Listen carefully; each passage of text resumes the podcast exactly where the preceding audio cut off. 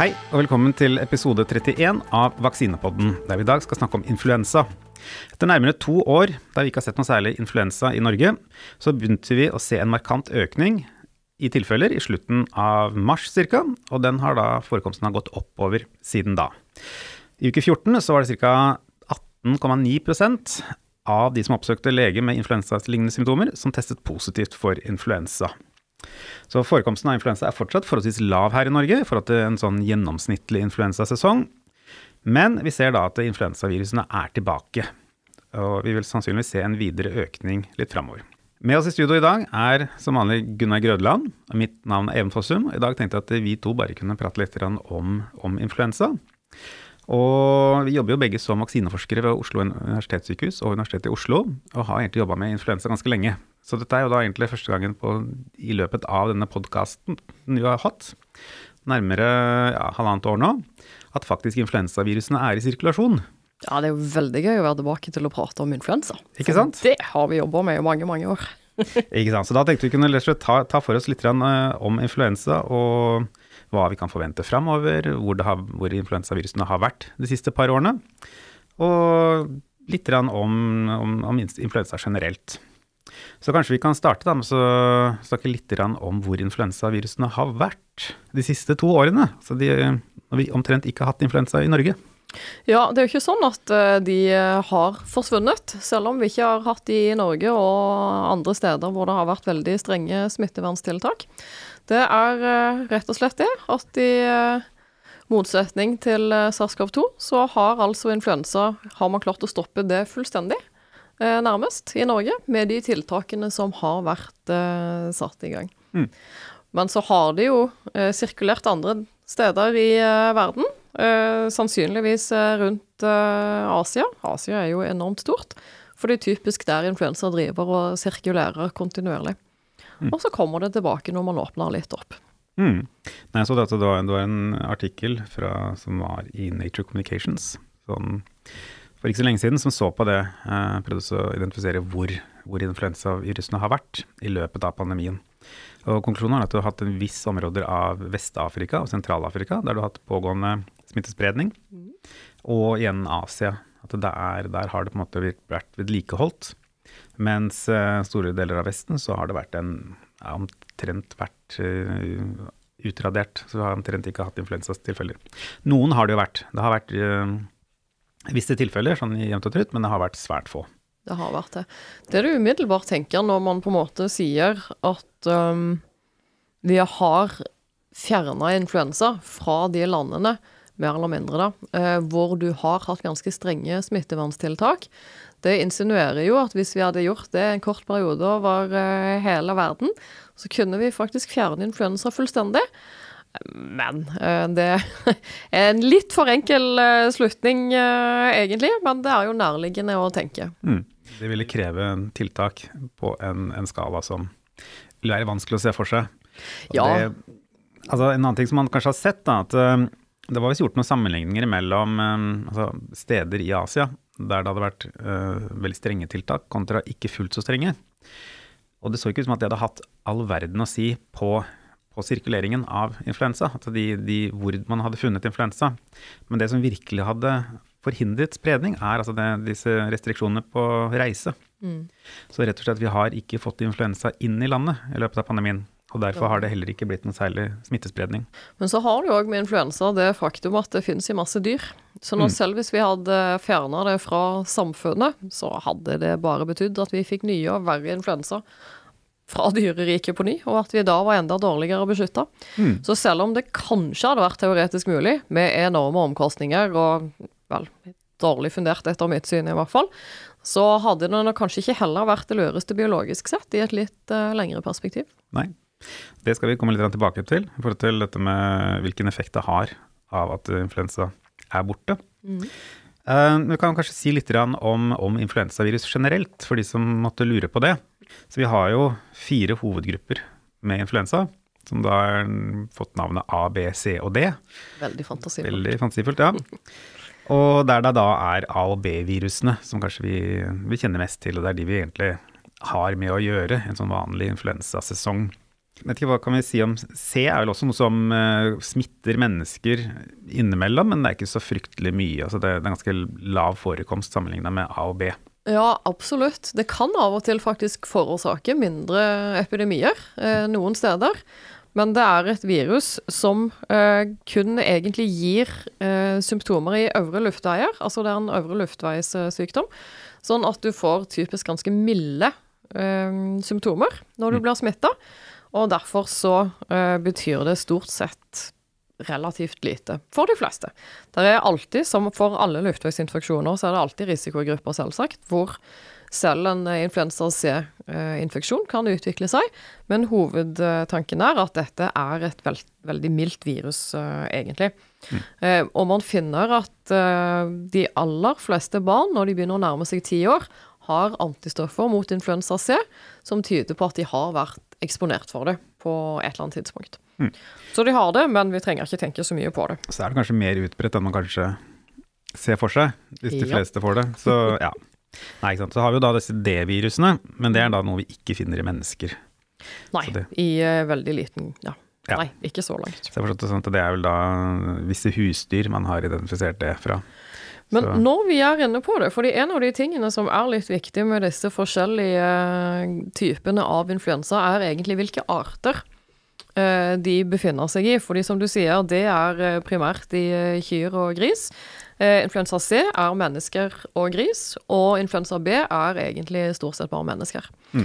Konsekvensen av det er at du ikke har eh, et reservoar andre steder hvor det plutselig kan komme virus som er ganske forskjellige, og blande seg med eksisterende og gi eh, pandemiske virus. Eh, for influensa A så eksisterer det i eh, vel masse mennesker, selvsagt. Et enormt stort antall i fugl. Det er egentlig et fuglevirus. Eh, og det eksisterer i gris og vel temmelig mange forskjellige typer uh, dyr. Så for influensa A så har du en mulighet at det kan komme et virus som ikke tidligere har sirkulert i mennesker, flyttes over til oss og får evnen til å spre seg imellom oss. Og da vil vi kunne være omtrent like naive som vi var mot SARS-CoV-2, og da vil vi kunne få en pandemi. Mm. Så influensa A er det jo ekstra god grunn til å følge med på hvordan det utvikler seg videre. Mm. Jeg tenker at uh, altså, Influensa A er jo kanskje det, det, viruset folk flest hører om når det står om i avisene. Enten det da er fugleinfluensa i forhold til H5N1 når det sirkulerte, mm. eller om det er H7N7. Uh, eller disse årlige altså svineinfluensapandemien, som var da H1N1. Alt dette her er influensa A-virus. Eh, mm. Som er kanskje greit å ha i bakhodet. Hvis du på en måte skal kategorisere hele influensavirusene, så kalles de for ortomyxovirusfamilien.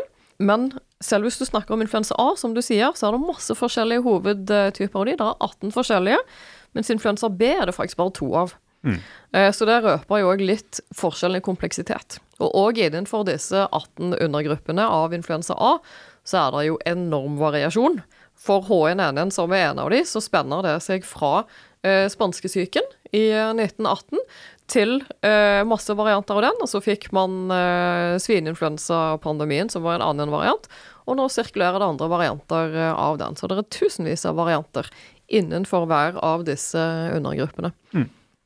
Og der har vi av de som er mennesker så er det vel et begrenset antall der. Av disse 18 variantene så er det vel kun tre som i hovedsak mm. vi finner i mennesker, selv om et par av de andre eh, fugleinfluensavariantene kan smitte. Mm. Men de har vel aldri i altså mindre grad sirkulert i mennesker.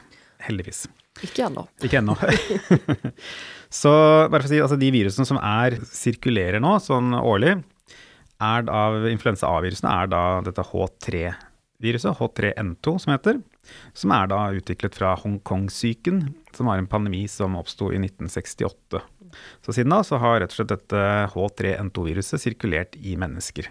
Da har du da et H1N1, som er det samme som svineinfluensaviruset. Og det er på en måte etterkommere av svineinfluensaen som nå sirkulerer i mennesker, selv om H1N1 har vært med oss før svineinfluensaen også. Men ble da, da hadde du en, en, annen variant som ble erstattet av rett og slett svineinfluensaviruset. Og som vi snakka om, altså influensa B det er, eh, finner man stort sett bare i, i mennesker. Ja. Det har vært med oss egentlig ganske lenge.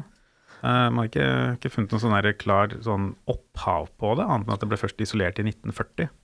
Ja, Så- men uh, det er ikke egentlig så sent det, hvis du tenker på at influensa A ble først isolert i 1933. Mm. Det er ikke så lenge vi har kjent til Vet du, Det er egentlig ganske rart å tenke på. De isolerte influensaviruset først i 1933, altså etter spanskesyken. Så du hadde en influensapandemi som du ikke visste engang var forårsaka av virus. Jeg syns det er litt kult å tenke på. Mm. Så det er ikke så lenge vi har kjent veldig grundig til hva disse virusene faktisk er. Nei, ikke sant. Og så er det kanskje greit å si, det blir jo, Vi snakker mye om variasjoner her, at det, det er mange forskjellige varianter av influensavirus. Og så er det innenfor selvfølgelig H3-virusene, eller H1-virusene, så er det også genetisk variasjon. Litt av det du ser med f.eks. SARS-CoV-2-viruset nå, der man får ulike virusvarianter som oppstår. Og for disse virusene, influensavirusene, H3N1, eh, H3N2 og H1N1, så er det da mange forskjellige sånne undervarianter som har sirkulert mer eller mindre samtidig. Ja. Og det som jeg tror er litt viktig å presisere der, er at hvis du har vært eh, eksponert eh, eller vaksinert mot en av disse variantene, så vil du ikke nødvendigvis faktisk ha veldig god beskyttelse mot en av de andre eh, variantene, selv om det er samme undergruppe. Mm. Og det er det som skaper litt problemer for eh, vaksinering eh, mot influensa, nemlig det at ikke bare må du velge eh, hvilken, altså skal du ha H1, H3 i vaksinen, du må velge hvilken type av hver av de du skal putte inn i vaksinen. Og hvis du ikke gjetter akkurat hvilken eh, variant av disse som har eh, tenkt å komme neste år, vel, da vil vaksinen være tilsvarende dårlig. Mm. Er det, ikke, det er ikke store forskjellene som skal til, Nei. nødvendigvis for at det da har en redusert beskyttende effekt. Mm. Det har vel bl.a. sett i år, Mm. der eh, det viruset som ble puttet inn i vaksinen, var en sånn Kambodsja-stamme, som het, fra 2021, tror jeg. Mens det som endte opp med å sirkulere, var en fra, stamme fra Bangladesh. Så han også fra samme år. Så det, og det er ikke så store variasjoner mellom disse to stammene, men det er nok til at du får en redusert effekt av vaksinen, eller i hvert fall redusert beskyttende effekt mot smitte. Og det er egentlig et viktig poeng, fordi disse influensavaksinene de består jo av eh, typisk av drept virus. Det er på en måte hovednormen. Eh, og man skulle tro det ga en ganske bred type immunrespons, men det man ser, er at disse vaksinene faktisk i motsetning til eh, mRNA-vaksinene mot SARS-CoV-2 f.eks., som inneholder kun spike, faktisk gir en smalere type beskyttelse. De danner typisk kun antistoffresponser mot overflateproteinet som heter eh, hermaglutinin, mens da disse vaksinene som kun inneholder en utvalgt bit, klarer å gi både antistoffer og T-celleresponser. Mm. Og T-celleresponsen er det som egentlig kunne gitt en eh, større bredde. Så det er eh, en av akillesene med mange av dagens influensavaksiner. Det er så kritisk at du velger nøyaktig riktig variant av viruset for effekt. Litt av forklaringen der ligger kanskje i typen vi, altså vaksiner som vi vanligvis gir. Mm. At dette her er såkalte inaktiverte vaksiner, der man har dyrket opp viruset og tatt livet av det. Mm. Eh, og så gis det som vaksinen. Og da får du, som du sier, hovedsakelig dannet antistoffer mot denne overflatetaggen fra influensa. Det er egentlig akkurat det samme som skjer ved, ved SARS-CoV-2-vaksinene.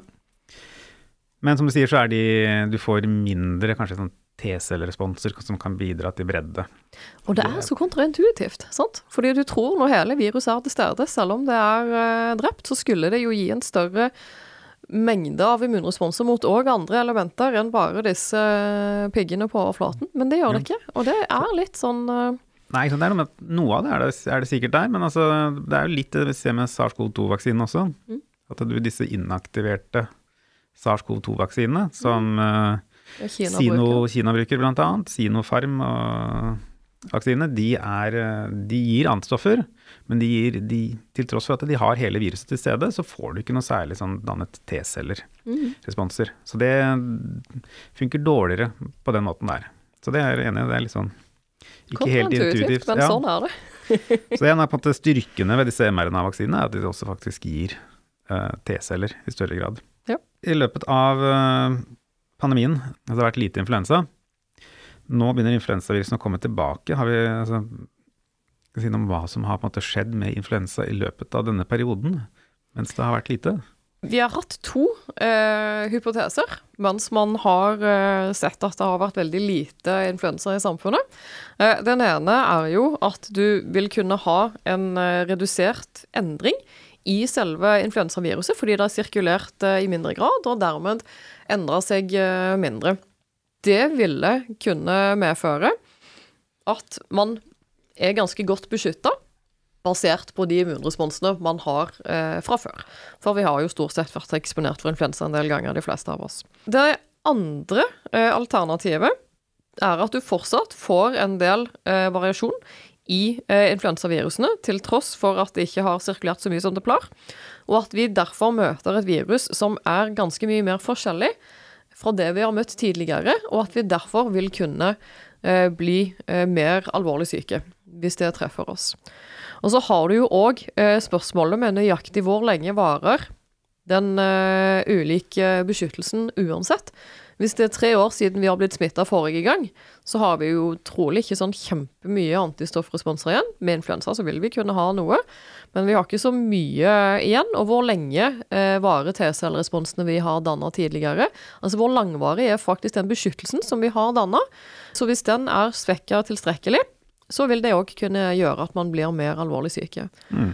Og det ser vi jo egentlig eh, nå, med de som blir syke nå, at det er en del eh, personer som er yngre spesielt, og som blir eh, sykere enn det de egentlig hadde blitt kanskje et vanlig år. Mm. Litt sterkere influensa enn vanlig. Ikke sant. Og noe av det ligger vel i altså, Som jeg har forstått det, så er det Det har vært en litt sånn siling av, av genetiske varianter i løpet av pandemien.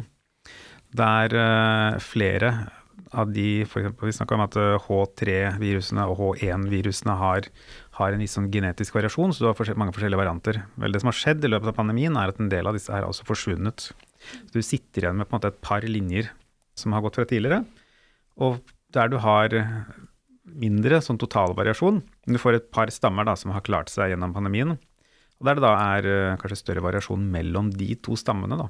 Mm. Og da blir også den viktigheten av å plukke rett variant til vaksinen betydelig større. For hvis du da plukker feil, så ja, kan beskyttelsen være dårligere. Absolutt. En annen sånn litt sånn fascinerende ting som vi så vidt var toucha inne på, var at eh, du har jo to sånne influensa B-varianter som har eh, sirkulert i altså siden 70-tallet, eller slutten av begynnelsen av 80-tallet, var det kanskje. Ja, i hvert fall ja. Mm. De, Yamagata og Victoria. Ja, så du har disse to variantene, og, og de har vært i sirkulasjon. Og nå har altså Yamagata forsvunnet. Så influensa B, Yamagata, den har da ikke vært isolert siden april 2020 og er uh, søkk vekk. Det kan jo være at han uh, ikke er helt borte, til tross for at man ikke har sett han siden 2020. Det kommer an på hvem du sampler, og hvor omfattende du sampler. Men i hvert fall så går det an å håpe at uh, kanskje vi har fått redusert han, fjernet han, kanskje. Mm. Nei, det tyder jo på at man kanskje i teorien kunne fjernet disse influensa B-virusene, hvis du da klarte å sørge for at eh, sirkulasjonen stoppet i eh, tilstrekkelig grad, da. Altså sånn gjennom enten tiltak eller noe annet, til at de ble borte. Mm. Men så får vi se, da. Så det, som du sier, det kan hende at Yamagata er i sirkulasjon et sted vi ikke overvåker spesielt grundig, mm. og kommer tilbake. Men igjen, en av fordelene med disse influensa B er at du har ikke noe dyrereservoar å hente det ut fra. Sånn at det er lavere sannsynlighet at du kan få smitte tilbake fra enten det er fugl eller gris eller eh, hva det nå skal være. Det gjør kanskje sannsynligheten større da, for at eh, Yamagata mer eller mindre nå er borte. Absolutt. Har du utrydda et uh, influensa B fra mennesker, så har du utrydda influensa B fra mennesker. Mm. Og da, i motsetning til A, så kan det ikke plutselig dukke opp igjen. Mm. Nei, som jeg sier, altså Konsekvensen er at vi har fått uh, mindre genetisk variasjon i influensavirusene i løpet av pandemien. Mm. Og det vil jo kanskje også slå seg litt ut i forhold til hvilke vaksiner som skal velges neste år. Om man da fortsetter å sånn Kan vi si noe om det, da? Altså, Influensavaksiner generelt. altså hva, hva, er det som finnes i de, og hvordan måte, bestemmer man mm. hvilke varianter som skal inn i vaksinen? Ja, altså man sitter og vurderer det som beveger seg både i dyr og mennesker av uh, varianter. Og så prøver man å vurdere hvilke hvilke av de som sirkulerer, mest trolig vil kunne dominere neste år. Eh, og det Man har jo et enormt eh, antall sekvenser å vurdere når man sitter og ser på det. Eh, men likevel så er det egentlig en kvalifisert gjetning av hva som kommer neste år. Og basert på den så velger man da ut én H1N1, én H3N2 og da en av hver av disse influensa B linjene som man setter inn. Så det store gjettverket er egentlig hvilken H1N1 og H3N2 du setter inn i vaksinen. For influensa B er ganske mye mer safe. Tidligere så var det bare tre virus i uh, vaksinene, men nå, uh, så langt jeg vet, så er alle vi bruker i Norge, de har fire virus med begge B. Ja, jeg gikk jo fra å ha én B-stamme, der du måtte på en måte velge enten Yamagata eller Victoria, mm. til å rett og slett inkludere begge to, for mm. sikkerhets skyld. Ja, det er jo lurere.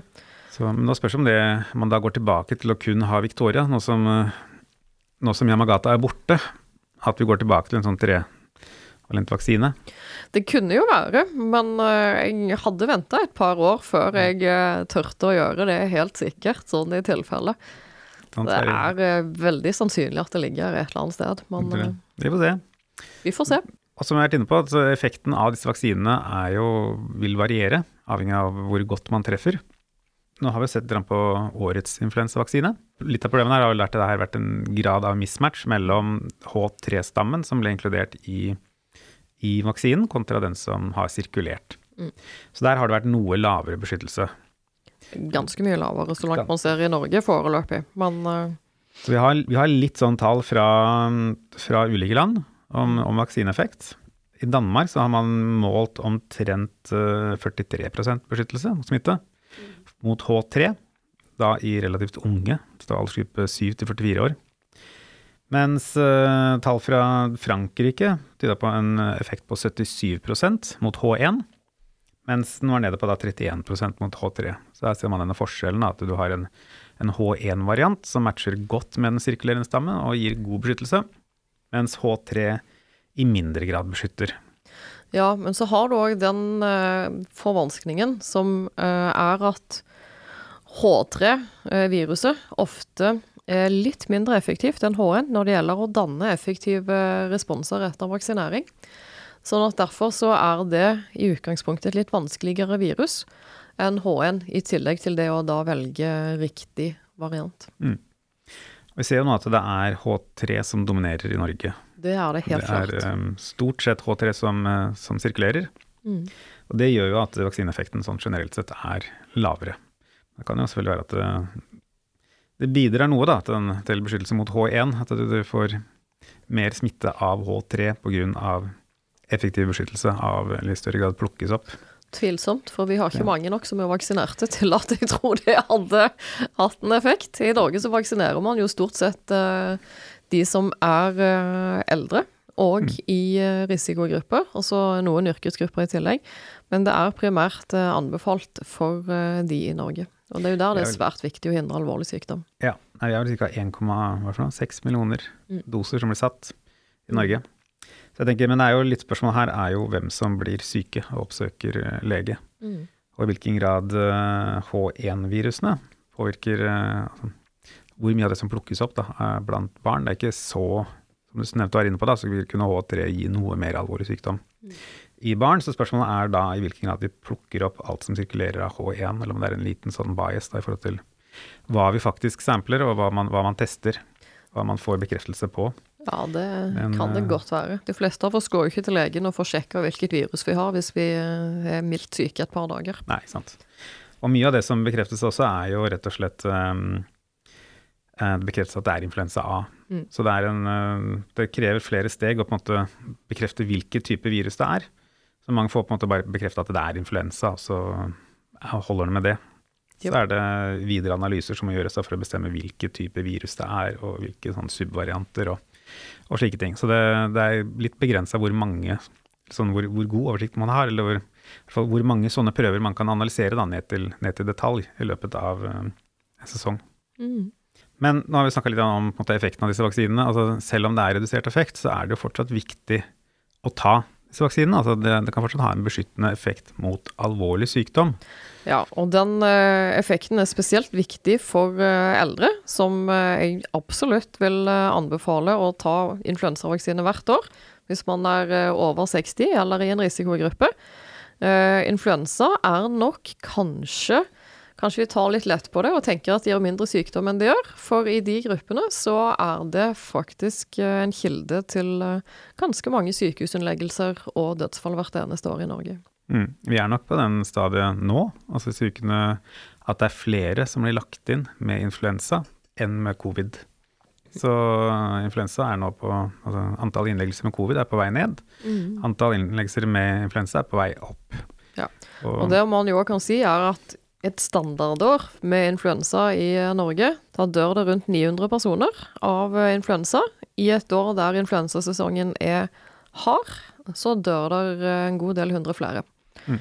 Og så er det jo langt flere som legges inn på sykehus med eh, alvorlig sykdom. Så for eh, eldre og risikogrupper så er influensa absolutt noe å ta på alvor og beskytte seg godt ved å ta vaksine. Mm. Hva kan vi da forvente oss fremover? Altså Når vi er nå i gang med influensa, årets influensasesong, den starta jo veldig seint i forhold til hva en vanlig influensasesong gjør. Eh, så slutten av mars, vanligvis så starter disse rundt eh, jul, at man begynner å se det antall tilfeller går opp. Og treffer gjerne toppen rundt februar, sånn der midten, slutten av februar. Så vi er jo nå egentlig veldig mye seinere enn det det bruker å være. Så da kan vi jo spørre oss hva, hva kan vi egentlig forvente oss av årets influensasesong og egentlig fremover? Hva kommer til å skje neste år? Ja, altså aller først kan vi ta det at, at vi er litt senere, fordi vi er eh, veldig mye senere enn vanlig, som du sier. Eh, men så er det sånn at nå begynner det å bli varmere. Vi begynner å få mer sommer i Norge. Og det tar å destabilisere viruset. Eh, sånn at eh, det reduserer sannsynligheten for å bli smitta hvis du, eh, når det er sommer, kontra vinter. Og det vil nok gjøre at selv om denne sesongen tok og kom såpass sent, så får han nok Altså, han kommer ikke til å vare fram til sommerferien, sannsynligvis. Han kommer til å være relativt kortvarig. Det vet jo ikke, men vel. Sannsynligvis. Sannsynligvis så vil han det. Ja. Men du kan si det er en del andre land hvor han tok og starta. Eh, tidligere, sånn at du har fått en del sirkulasjon eh, nå både i Norge og i eh, andre land, som òg vil si at det er en utfordring å velge hvilken type man skal ha i vaksinen for neste år. Det er vel sannsynligvis valgt ut allerede. Før man har fått ferdig dette årets influensasesong, som kan gjøre det ekstra vanskelig. Man får jo håpe de treffer sånn rimelig godt likevel. Men det vi kan forvente, er at vi får en ny influensasesong eh, neste år. Vi får òg helt opplagt en uh, ny sesong med SARS-CoV-2, tenker jeg. Uh, og så er jo spørsmålet hva vi uh, bør gjøre. Og nå er det sånn at vi har vaksiner mot influensa som i større eller mindre grad treffer, men som likevel beskytter de som er mest utsatt for alvorlig sykdom. Og det er jo svært viktig at de tar de vaksinene. Og så har vi SARS-CoV-2 som kommer, og hvor vi òg har vaksiner. Og sannsynligvis vil få tilgang på noen litt oppdaterte vaksiner til høsten. Og da bør jo de som er utsatt for alvorlig sykdom, eh, eldre og eh, risikogrupper, selvsagt òg ta de vaksinene. Men om man trenger å være superbekymra for ny smittespredning og lignende med influensa eller SARS-CoV-2 til høsten, det tviler jeg på. Det er jo vanskelig å vite dette for sikkert, selvfølgelig. Eh, sikkert, vi, det er framtiden. ikke sant. Så vi får se hvilke, hvilke virus som, eh, som, kommer. Eh, jeg er helt enig at, du, at influensaen er tilbake. Det, det ser vi. Og det, det, vil ikke forsvinne igjen hvis vi skal ha et åpent samfunn.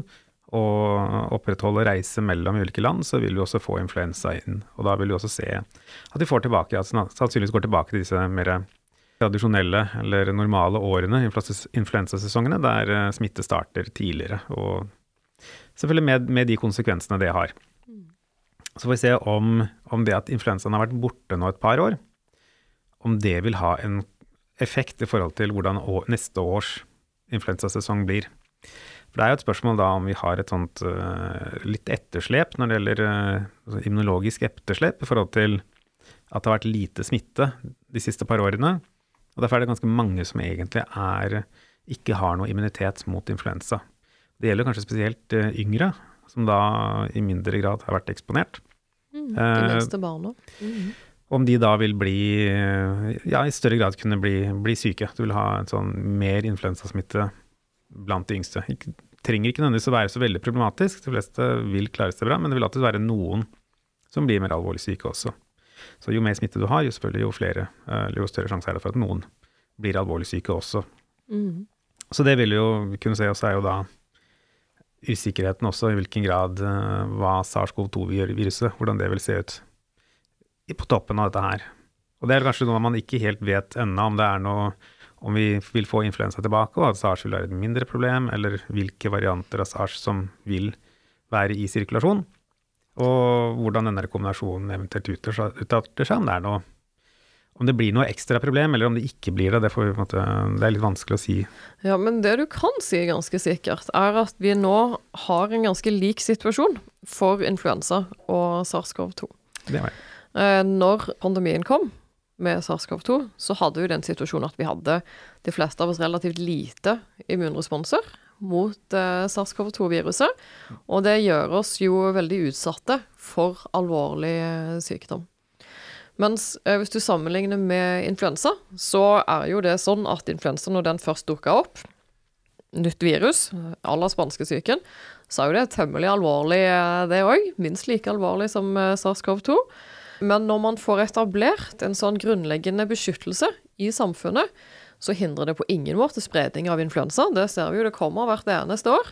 Det hindrer ikke mild sykdom, at vi eh, blir syke og syns uh, veldig greit hjemme og har det kjipt. Det hindrer på ingen måte det, men det setter terskelen på et mye lavere nivå. Der er lav grad av alvorlig sykdom forbundet med influensa, tatt i betraktning smittespredningen, og de vaksinene vi har, gjør at vi kan beskytte de som er mest utsatte, mot eh, både alvorlig sykdom og død. Og nå er vi der at vi har den samme situasjonen med SARS-CoV-2. Vi har ved vaksinering og nå smittespredning med omikron og tidligere delta, men spesielt omikron, som så mange har blitt smittet av, så har vi fått både vaksinering og smitte i befolkningen. Og da har vi fått dannet, på samme måte som influensa, en grunnleggende beskyttelse som vil holde uansett hvilken framtidig variant av SARS-CoV-2 vi står overfor. Den vil ikke hindre at vi kan bli smitta igjen. Den vil ikke hindre at vi kan eh, få mild sykdom, men den vil, for de aller fleste av oss, hindre utvikling til alvorlig sykdom og død.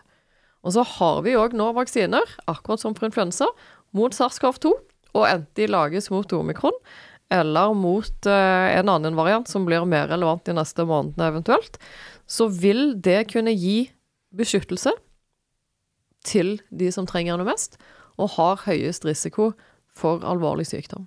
Mm. Så der vet vi at vi er, i hvert fall. Ikke sant. Og det vil jo være naturlig etter hvert at vi får en kombinasjonsvaksine ja. av disse her to. At du eventuelt får um, både SARS og influensa samtidig. Der, det, der jobbes det vel litt sånn med, med den type vaksiner? Det er vel flere som ja, jeg har et prosjekt uh, som uh, bl.a. går på det, og det er jo et superkult prosjekt. Uh, men jeg er dessverre ikke den eneste som tenker på det.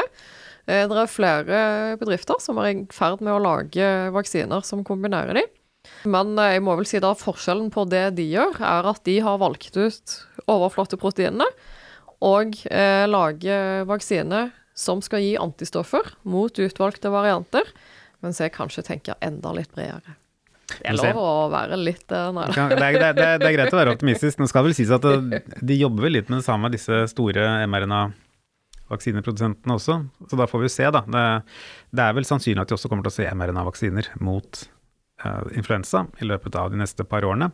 Du, det de, gjør vi. De har jo vært i klinisk utprøving eh, mot influensa allerede for mm. noen varianter, så der ser vi. Så det blir spennende å se om da Så da er det ikke utenkelig at du får en en oppdatert mRNA-vaksine mot både influensa og, og SARS-CoV-2. Når den eventuelt kommer, det får vi nå vente og se. Men, det, men at den er på vei, er vel, ja, det er vel ikke å ta for hardt i. Nei, side. det. regner jeg vi kan forvente. Så det blir, det blir spennende å følge med på. Så får vi egentlig bare se hva, hva som skjer neste år. Sannsynligheten er som du sier at uh, vi har en forholdsvis god beskyttelse mot både influensa og SARS-CoV-2 nå. Så kan det godt være at vi da er uh, brukbart beskyttet neste år. At det ikke har, blir den helt store utfordringen. Men det, det, er på en måte litt for tidlig å si. Så, så det gjenstår å se på en måte hvordan neste sesong utvikler seg. Ja, Man kan jo aldri spå om framtiden, og biologi er jo per definisjon uforutsigbart. Ja. Men det er jo det mest trolige scenarioet, i hvert fall. At Mm. vi kommer til å ha det rimelig greit. Det kan da gå tilbake til en mer sånn normaltilstand, rett og slett. Men det tror jeg faktisk vi avslutter denne episoden. Tusen takk til deg som har hørt på. Tusen takk til eh, Karen Klyve Sunde for teknisk produksjon. Jobber ved avdeling for kompetanseutvikling ved OS. Takk skal du ha.